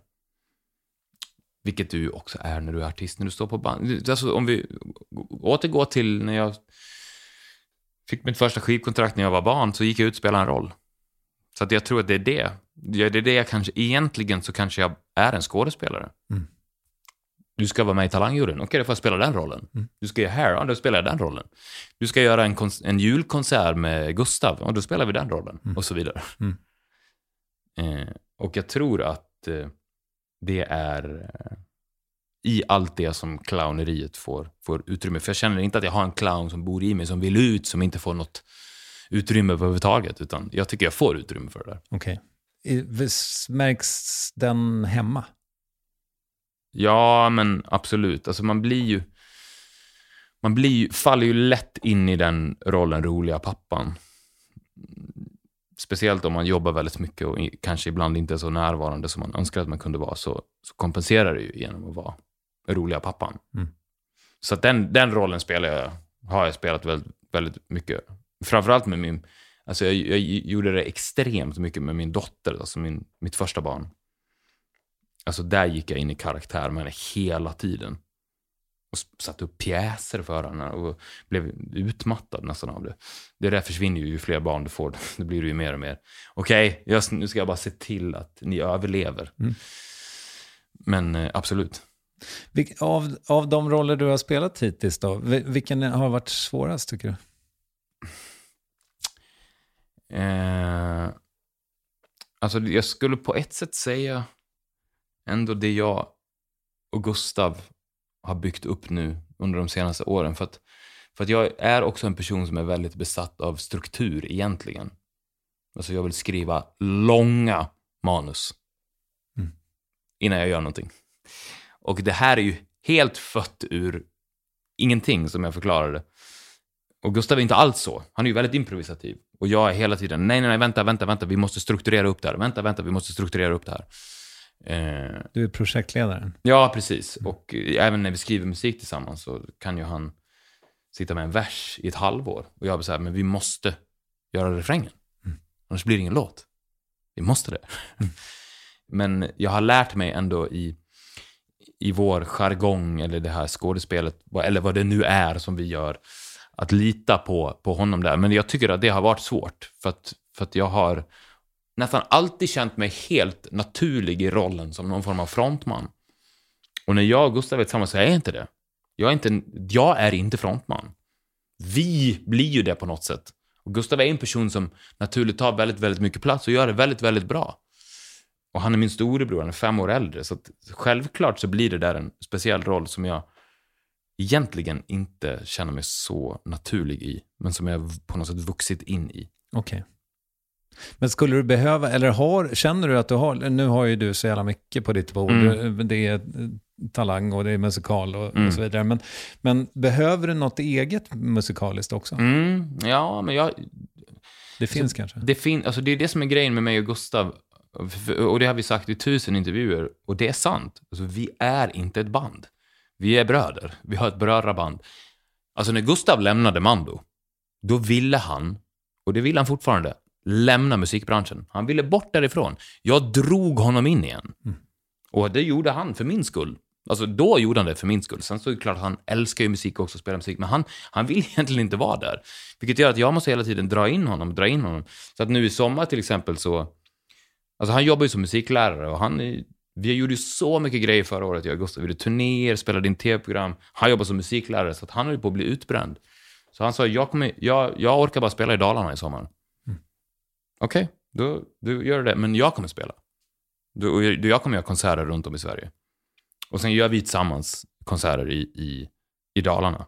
Eh, Vad gör du? Äh, Åker du med eget band då? Ja, ja, Okej. ja. Det, är inte, det är inte annonserat än, men, men det, Ja, det kommer jag göra. Ja, ja, oh ja. Jag sätter upp ett eget band och eh, det ska bli skitkul. Och det blir en annan roll då. Med Även- hela din gamla katalog liksom? Ja. Från Sugar Plum, Ja, Fairy, helt. State of Sound och... Exakt. Ja. Och även musikallåtar, alltså köra någon låt från Hair. Alltså 100% lustdrivet för att jag, jag älskar fortfarande musiken så mycket. Och jag har fortfarande en ungdomlig energi som Gustav inte har. Jag vet inte om det har med ålder att göra. Han säger jämt så här, vänta fem år bara, vänta fem år bara. Men det tycker jag att han har sagt i 15 år till mig. Eh, så, och sen så, så, såklart att, att göra huvudrollen i en musikal som Hair också, som är ju fött ur eh, en tid med musik som jag har vuxit upp med. Alltså det är inte, jag skulle inte göra Cats. Alltså jag, jag är en, en, jag spelar ju en ikonisk rockstjärna, kan man säga. Så att den rollen älskar jag också. Eh, Och jag älskar fortfarande energin i, i rockmusiken, vilket Gustav inte riktigt gör längre. Så att jag, där får, jag får utlopp för dem, min, min inre Mick Jagger, när Gustav inte är med. Men jag tycker ni har liksom, när jag har hört er prata tillsammans om musikbranschen så tycker jag att ni har, jag tror att det var du som sa också, så här, det, på sätt och vis är det konstigt att artister inte får släppa samma låtar flera gånger. Mm. Liksom, för att, det, och jag, jag tror jag pratade med Gustav eh, om det för jättelänge sedan, det är fan, ja, sju år sedan. Eh, Vi tog en jättemärklig promenad en gång i Mm. Haga. Och eh, då pratade vi om, eller för jag var besatt av tanken så här, det är 2016 säger vi. Ja. Och allting är digitalt. Du kan släppa en låt i princip samma sekund som den är färdigskriven. Liksom. Mm. Varför gör inte folk det mer då? Alltså om man nu stör, om man går och lyssnar på sin gamla singel och så tänker man, vad fan, varför ligger blåset så högt? Ja men sänk det då. Mm. Sänk det då. Jag håller med. I teorin, ja. Men det, det där, där är magin också på något sätt. Alltså om någon kommer och mixar om, gör en ny version av Billie Jean, eller vad som helst. Jag vet inte vad, vad, om det är på grund av hur samhället har format en. Men det går ju inte. Alltså, det, nej, den är där. Och jag vet inte om det har att göra med att det är i det där rummet, i den där stunden, så hände det någonting. Och sen ska du in och ändra det. Så, så förstör du det. Det- Finns det inte Beatles-skivor som är inspelade både i mono och stereo? Jo, Och monon är alltid bättre. Ja precis. Eh, Stereo var ju väldigt nytt då. Så Ja. De experimenterade med det på ett väldigt märkligt sätt. Så att, till exempel att de la sången i vänstra högtalaren. Just det. Så att det är ingen sång. Om du, om du står på fel sida av rummet så hör du inte sången. Vilket ju egentligen inte är stereos funktion, utan det är snarare tvärtom att det ska bre- bredda rummet. Eh, men eh, ja, jag vet inte. Jag, jag, det, det, det är lite samma sak som med alkoholen där, att i teorin, ja. Varför är det så? Varför, varför får inte jag... Jag pratar om det så här, men det är olagligt, så får inte jag göra. Jag tar Imagine-versen och lägger på Let it be-refrängen. Mm. Det blir en jättebra ny låt. Och släpper den. Mm. Det får jag inte göra. Nej, det. det. Det, det är olagligt på riktigt. Mm. Så, och det, då kan man ju tänka sig, men tänk om man skulle släppa det fritt och bara låta musiken vara helt fri, vad skulle kunna hända då? Men eh, det skulle också kunna bli kaos. Mm. Det, är samma sak där, det är väl min ordningsman där som träder fram och säger så här, vi måste förhålla oss till någonting, för att om du förhåller dig till någonting, det är då det otroliga och den riktiga magin kan uppstå. Det är jag helt övertygad om. Jag känner bara det nu i musikalen till exempel. Alltså det är så väl repeterat. Och poängen med musikalen är att det ska vara exakt samma upplevelse varje kväll. Det ska vara som att slå på en film. Det är ju det som är regissörens uppgift. Det, det, är, ingen, det, är, ingen, det är inget improvisativt här. Det ska vara exakt samma sak varje kväll. Och på något sätt, när, man, när det där till slut fastnar i en, så blir det en enorm frihet. Av någon märklig anledning. Det borde egentligen vara helt tvärtom. Jag känner mig helt fängslad. Men tvärtom. Så att du måste förhålla dig till någonting. Annars tror jag att det kanske bara svävar iväg i rymden. Mm. Ja, eh, det har du troligen rätt i. Eh, jag eh, tänker på, alltså det finns ju ett släktskap tänker jag, kanske framförallt mellan State of Sound och det som du har gjort med Gustav. Mm. Eh, om jag skulle be dig sätta orden på det släktskapet så kan jag göra det sen. Mm. Eh, ja, alltså... State of Sound var ju också fött ur mitt dåliga lokalsinne. Jag hade flyttat till ett nytt område, ett nytt område i Stockholm och cyklade runt helt planlöst. Visste inte var jag var någonstans. Svänger ner på en gata längre fram så ser jag att det står en person där som jag känner igen. Och då är det Joakim Andrén, en producent som jag har träffat för kanske fem sex år sedan. Tja, vad gör du här? Vad, vad gör du för någonting? Och det var också en, en symbolisk cykeltur på något sätt, för jag hade, då hade jag inte heller ett musikaliskt sammanhang, så det var som att jag, jag var en sökare på cykel. Hittade Joakim och frågade vad han gör. Då står han där på Engelbrektsgatan i Stockholm och säger, jag håller på att bygga en studio. Jaha, fan vad kul. Vad ska du göra där? Jag vet inte, säger han. Mm. Okej, får jag följa med ner och kolla? Ja, följ med ner och kolla. Har han byggt en hel musikstudio som han inte vet vad han ska göra i? Och jag så här, men ska inte vi göra någonting ihop då? Ja, men vad kul, absolut, kom hit imorgon. Och så blir du kvar där i två år. Så blev jag kvar där i två år. Och vi började skriva och skriva och skriva. Med, med ambition. Då, då hade vi också sett tankar så här, om vi ska bli en låtskrivare slash producentduo, hur ska vi få ut vår musik? För det var vår ambition från första början. Vi, vi släpper låtarna som CVn. Då kanske artister vill jobba med oss. För vi höll på att ringa så här till massa artister. Hej, vi skulle vilja skriva mer. Alla sa nej. Parallellt med att vi då kom på den här idén, ja men vi släpper en låt och ser vad som händer. Så slutar Gustav i Mando Diao. Jag ringer honom direkt och säger, kan inte du komma och göra någonting? Då hade vi gjort en låt som heter Higher Love och Gustav kommer dit och skriver en vers och det blir vår första singel och den blir jätteframgångsrik.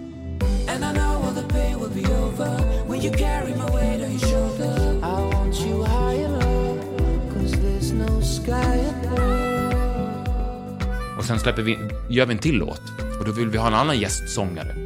Eller gästsångerska. Och vi frågar massa folk, ingen vill vara med. Så till slut fick jag sjunga den. Och den blev ju enormt framgångsrik.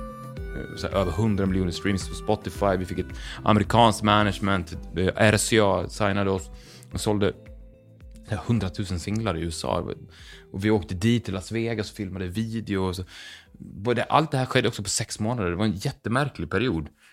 Eh, och sen så rann allt det där lite ur sanden på något sätt. Och jag, men jag hade fått sån stark känsla av, kolla vad som händer när du bara, när du för, en helt naturlig förlängning av vad det jag gjorde i State of Sound. Okej. Mm. Men blev ni ovänner du och Jocke? Nej, vi blev inte ovänner, men och eh, det var, han, han eh, Joakim gick ju också bort. Jag vet. Eh, väldigt tragiskt för två år sedan. Och eh, det där med, det var väldigt eh, komplicerat. Men, men med respekt för hans familj så har jag valt att inte prata för mycket om det där. Men, men eh, han, hade, han hade sina problem och vårt samarbete till slut blev för mycket för mig. Alltså det var för en tung börda för mig att bära, så jag gick bara därifrån till slut. Alltså, och det var väldigt speciellt, för att vi, hade, vi skulle precis släppa en ny EP, vi skulle få ett nytt så fett förskott från Sony. Och helt plötsligt så bara gick jag därifrån. Och det hade jag aldrig tidigare gjort i hela mitt liv. Gick upp på skivbolaget och sa, jag hoppar av. Och de fick, de fick en chock. Och det var ingen som kände till det här. Och, då förklarade jag varför och så vidare. Gick hem, öppnade min laptop, för han var ju producenten och jag var låtskrivaren. Och bara, jag får, börja, jag får lära mig producera själv. Och gick in på YouTube, så här, how to produce music. Ringer Gustav och sen började vi skriva de här låtarna. För jag, jag tycker ju nämligen att ljudbilden ligger i samma universum på något sätt. Det var det jag Mm. sa att jag skulle berätta hur jag känner. Att det är liksom någonting skit. Det är, någon, alltså, Mm. det, är det ens ett ord? Men att det är någonting trollskt Mm. då, eller liksom John Bauerskt Ja. över ljudbilden. Liksom. Det finns en tydlig så, det är rotat, det, det växer ur folkmusik någonstans, subtilt eller mindre subtilt. Ja. Men att det är ett väl, alltså det är ett, det är en värld. Ja, jag håller med. Och jag tror att det där är en kombination av det du säger, att du utmanar formen, men du har ändå respekt för strukturerna. Mm. Alltså, för du kan ju flumma iväg hur mycket som helst. Ja, vi gör en låt på 25 minuter. Nej, det gör vi inte. Vi gör vers, refräng, vers, refräng, stick. Vi ser till att den är tre minuter. Men inom den här ramen som vi förhåller oss till, då utmanar vi gränserna. Kolla vad som händer då. Händer om man lägger på en turkisk flöjt här? Vad händer då? Alltså, för, förstår du? Så jag, jag tror verkligen att båda de två, och det kommer från mig. Alltså, för så var det ju när jag och Gustav började skriva våra låtar, att jag var ju väldigt mån om att så här, vi behåller de här strukturerna. Vi ska inte flumma iväg och göra 30 minuters låtar eller, eller, och så vidare. Eller göra om gamla låtar som vi redan... Vi skriver nya låtar så som man alltid har gjort, men här får du ramen och inom den ramen, där kan vi göra vad vi vill. Och, och den, den inställningen hade vi i State of Sound. För Joakim var, han var hårdrockare från början, som, var, som blev producent. Som spelade gitarr på ett väldigt märkligt sätt, så som hård, hårdrocksgitarrister gör. Och förde in det i en popvärld. Och han kom med så märkliga idéer. Han var så här, vi borde göra en cover på Brian Adams Heaven. Mm. jag var så, va? Va? Okej, vi gör det då.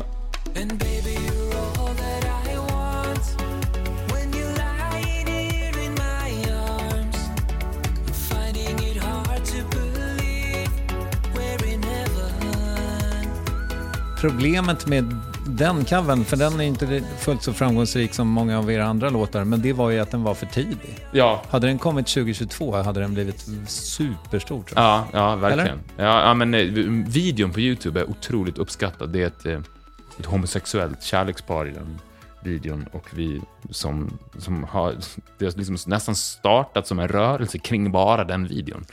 Vilket är väldigt, väldigt fint. Ibland har jag läst kommentarerna på den där eh, YouTube-videon och bara, bara så värmt verkligen i hjärtat. Så här, wow, wow. Eh, men, det, men det där var speciellt. Jag hade aldrig i mitt liv kommit på den idén. Jag en cover på Brian Adams Heaven. Va? Alltså, också skadad från 90-talet. Kan, det, då, om vi ska återgå till det, kan jag också säga då, medan du söker upp den här låten, att jag lärde mig av Jocke då väldigt mycket just den här grejen att, vadå töntigt? Alltså förstår du? För jag var fort, jag kom ur, då var ju, det senaste jag gjorde var ju rock, där man fortfarande förhöll sig till massa, massa regler. Och coolt och töntigt och sådär. Men han var så här, det är musik, lyssna på det. Lyssna hur vacker den här melodin är. Hör du inte hur vacker den är? Oh, thinking about all our young years. Jo, Ja. den är otrolig. Den är Ja. verkligen otrolig. Du, eh, jo, jag, när jag, nu när jag har liksom varit i din värld så himla mycket, och Mm. det här är en självupptagen fråga, men, men att liksom lyssna på dig, det gör lite ont i mig. För det är så tydligt att du har... Tidigt tycker jag, men det, det, det är som att din röst blir bättre och bättre för varje projekt. Och det, är- det, ja, men det är min stora sorg. Jag, jag säger det bara. Det är min stora sorg. Att jag liksom, Inte att jag blir bättre och bättre. Nej, men att det blir tydligt. Ju, liksom varje gång jag försöker fästa min röst på band så inser jag så här, nej men det här är inte mitt element. Nej. Och det finns inget jag hellre skulle vilja. Jag skulle... Det, det, stora kroppsdelar skulle ryka för en sångröst kan jag Ja. säga. Men jag hade, jag hade ingen sångröst. Alltså som du säger, jag tycker det är först nu under de senaste åren som jag har lärt mig hantera det där. Okej. Och det har ju varit så att jag, det började med att, precis som du, jag måste bli sångare. Alltså jag måste bli sångare. Hur blir jag det? Ja, jag sjunger då. Så jag har sjungit så otroligt mycket och även i studio väldigt, väldigt mycket. Under de här State of Sound-åren så utvecklades jag något enormt. Alltså för att jag var ju demosångare då till de här låtarna som ambitionen var nu ska vi skriva låtar åt andra artister och skicka iväg. Så vi bara matade, matade, matade och, och Jocke kunde inte sjunga så jag fick sjunga allting. Så varje dag sjöng jag. Stod i studion med hörlurar och sjöng och sjöng. Okej, det är bra, ta en till tagning. Ja, det är grymt, ta en till, ta en till. Bra, då har vi sjungit i fyra timmar, lunch, sen sjunger vi nästa låt. Så, så jag sjöng ju hela, hela tiden. Eh, och eh, det har jag ju förstått vad, vad mycket det är kopplat till träning, för att sång är så fysiskt. Man tänker att det bara är hjärta och själ. Men det handlar om att lära, lära dig hur du hanterar din kropp när du sjunger. Så att jag tror att eh, väldigt, väldigt, väldigt många människor är fantastiska sångare och sång, sångerskor, men att de helt enkelt bara inte har sjungit tillräckligt. Om jag inte hade sjungit så mycket så som jag har gjort under de senaste 15-20 åren, hade jag varit en väldigt average sångare. Det är 100% fött ur träning.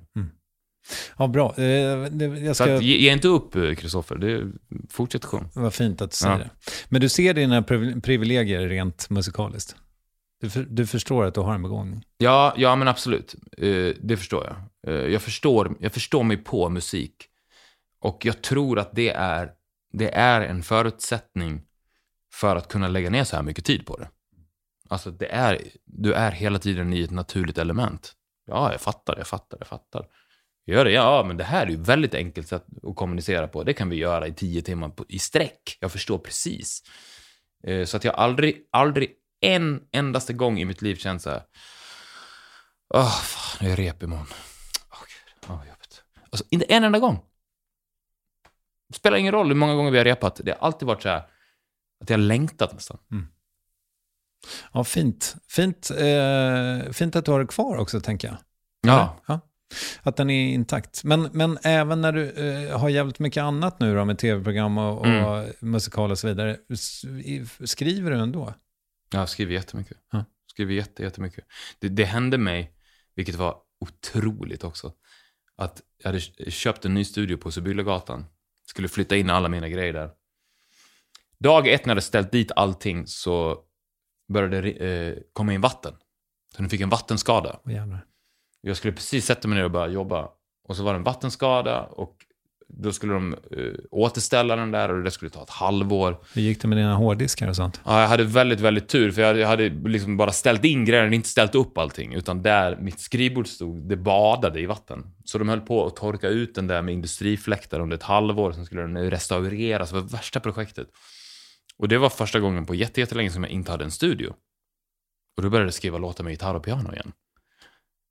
För jag hade dragit in i det där via State of Sound att ja, men man gör väl allt samtidigt. Du öppnar ett nytt projekt, producerar, skriver, mixar, mastrar samtidigt. Du vet inte riktigt vad du håller på med. Så som man skriver modern popmusik. Men då blev jag ju tvingad att börja skriva låtar med gitarr och piano.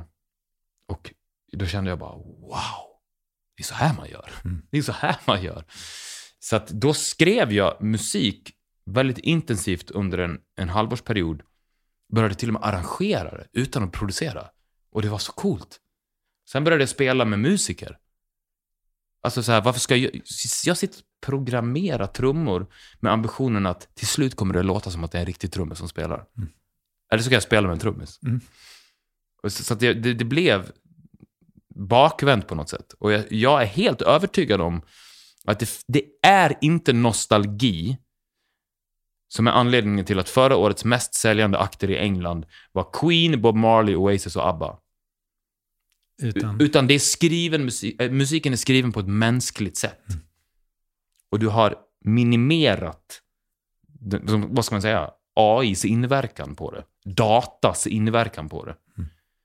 Och det tilltalar människor, för människor har inte utvecklats i den takten, såklart. Det är exakt samma människor som på 70-talet.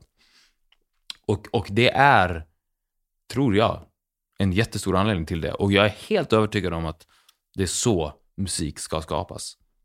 Så att jättemycket, och, och sen dess så bara, ja såklart. Jag Gör som vi alltid har gjort. fint. Mm. Du, innan du går så vill jag ändå eh, prata om det här med eh, talang. Det har Mm. precis gått i mål när folk hör det här. Men, Mm. men hur har den resan varit för dig? Alltså den har varit otrolig talang. Jag menar, alltså, det är samma sak som vi pratade om tidigare, det där när man är en artist och när man är mitt inne i känslan och sitter i det där rummet och ser de här människorna. Alltså, det är människor av kött och blod som brinner för de här sakerna. Alltså den här, vi hade ju då en, i finalen en matematiker från Norsborg, Samet, som är en av de största stjärnorna jag sett i hela mitt liv. Och jag kände en sån genuin värme över, visst, absolut, du kan raljera över fredagsmys, TV4, bla bla bla. Men han står där på scenen och får göra sin konst. Så kände jag, det finns ingen annan plats där han får göra det här. Mm. Och det är så vackert. Mm. Det är så vackert, för han är en riktig artist. En matematiker, alltså han är Prince. Fast matte. Mm. Alltså, och det är så fint att det, att det, att det existerar. Eh, och sen så, ja, en annan sak som händer när du säger ja till saker är ju också att du konstant får träffa och lära känna nya människor. Vilket är underbart. Det är ju någonting du gör hela tiden när du är ung. Du börjar spela ett nytt fotbollslag, du byter skola, du går i en ny klass. Sen så slutar du med det när du är vuxen. Men det fortsätter jag med. Alltså jag har nya vänner för livet. Alltså som, vi har knutit så starka band till oss. För det vi har gjort är att vi har skapat minnen som vi alltid kommer bära med oss. Det spelar ingen roll, jag kommer alltid komma ihåg det. Kommer, när vi spelar din talang. Det, kommer, man kan säga vad man vill om det, men det kommer vara ett för evigt minne för mig. Och för dem också. Eh, så att jag älskar, jag älskar eh, Johanna Nordström, Helena Bergström och David Batra. Jag älskar dem. Men det som, var, det som är kul, för nu har jag tittat lite på Mm. det för att du skulle komma hit. Och det som är roligt är att du är eh, ja, tillsammans med Johanna nya... Eller, Och ni- Helena också, Ja, ja. Mm. precis. Förlåt. Men ni, alla är nya utom David. Men det är ändå du som är ordförande. ja, kul. Ja, Blev det bara så eller? Eh, ja, nu, nu, är det, nu är det inte då uttalat så att jag är ordförande, Nej, men, men men jag förstår tydligt. vad du syftar på. Ja. Eh, ja, men det blev ju, ja, det, det blev så. Alltså det händer ju så, om du, om du komponerar en grupp människor, det första människor gör är ju att de tar roller. Så att det, i början var det ju lite trevande, men sen så, sen så blev vi ju bekväma i den här rollen och att vi blev ett band och att vi kände att du är det här, jag är det här och så vidare. Jag tar den här rollen. Och de, så att när jag, när jag pratar så pratar jag för gruppen. Eh, och för mig är det också roligt för att om, jag tror att om jag hade sökt Talang så hade jag sökt att sitta med i Talangjuryn. och det är så kul då att man får, jag också får utlopp för den här delen av mig. Som, jag älskar att, eh, att kommentera det jag ser. Att försöka uttrycka mig på ett sätt som, som är talande till människor och att de förstår vad, vad de besitter, att det är unikt. Och det, många människor måste få höra det med ord som någon väljer åt dem. Och det, det kan jag. Och det, jag älskar att jag har fått den platsen och få göra det. Skulle du rent hypotetiskt kunna bli skivbolagsdirektör på ålderns höst? Det är jag ju, kan man säga. Okej. Vi har ju ett eget skivbolag, eller jag har ett eget skivbolag nu. Mm. Men eh, ja, absolut. Och det är ju det jag och Gustav gör i vårt tv-program också. Att det vi gör, vi åker ut i landet och träffar oupptäckta musiker vars primära drivkraft inte är att stå på scenen utan att spela. Vilket leder till att ingen har hört dem. Men de är helt otroliga. Och det är några människor som vi har träffat där. För vi, det vi gör då är att vi ska göra en skiva, släppa ett musikaliskt vykort ifrån Sverige som blir en platta. Så här låter Sverige, om du åker ut och lyssnar. Och några av de här har varit så otroliga. För vi tänkte först så här, men antagligen måste jag och Gustav styra upp många av de här så att det blir bra. Men vi har bara stått och varit publik. Bara, det här är det bästa jag har hört i hela mitt liv. Sa du att du var 14 år gammal? Det är det sjukaste jag har sett. Varsågod, ställ dig där och bara, jag, på någon låt så bara stod jag och spelade kontrabas och kände så här. Ja, nu, alltså, det, det är lite samma känsla som när, när ditt barn står på en scen. Alltså du sitter i publiken men du är där på scenen ändå. Fast du står i bakgrunden och spelar kontrabas, vilket är så olikt min scenpersona Men, men det eh, kan bli. när får vi se det? Det har premiär nu i vår. Nu i vår. Okej, men det är Ja. in- inget datum är satt. Jo, men det, jag tror inte det är kommunicerat än. Det blir lite känsliga med det där. Men Skit i maj. Ja. I maj. Du, eh, innan du går så sa du, eh, jag är en doftperson. Mhm. Vem är din doftperson? Eh, Fara och Grot. Farao Groth, precis min äldsta barndomsvän. Han som visade vägen för mig när han var 11 år och var drag queen. Så när jag kom med polotröja i, i skolan och han kom dit i full drag och skulle göra share på julkonserten så exploderade ju mobbarnas huvuden. Då, då tog jag bara rygg på honom och jag följde honom. Han är doftambassadör på Dior. Och det är så intressant med doft, för det är så nära musik. Alltså det är doftackord, doftorgel, du komponerar den, dofttoner, doftnoter. Och sen ska du komponera den här doften. Och sen så sätta den på en person. Den här doften är till dig. Och det har han gjort med mig. Och, och eh, gett mig en doft som...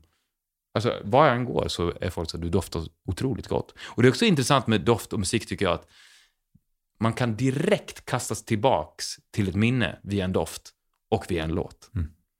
Hör du en låt? "Åh! Oj, Cannes 1999. Känner du en doft?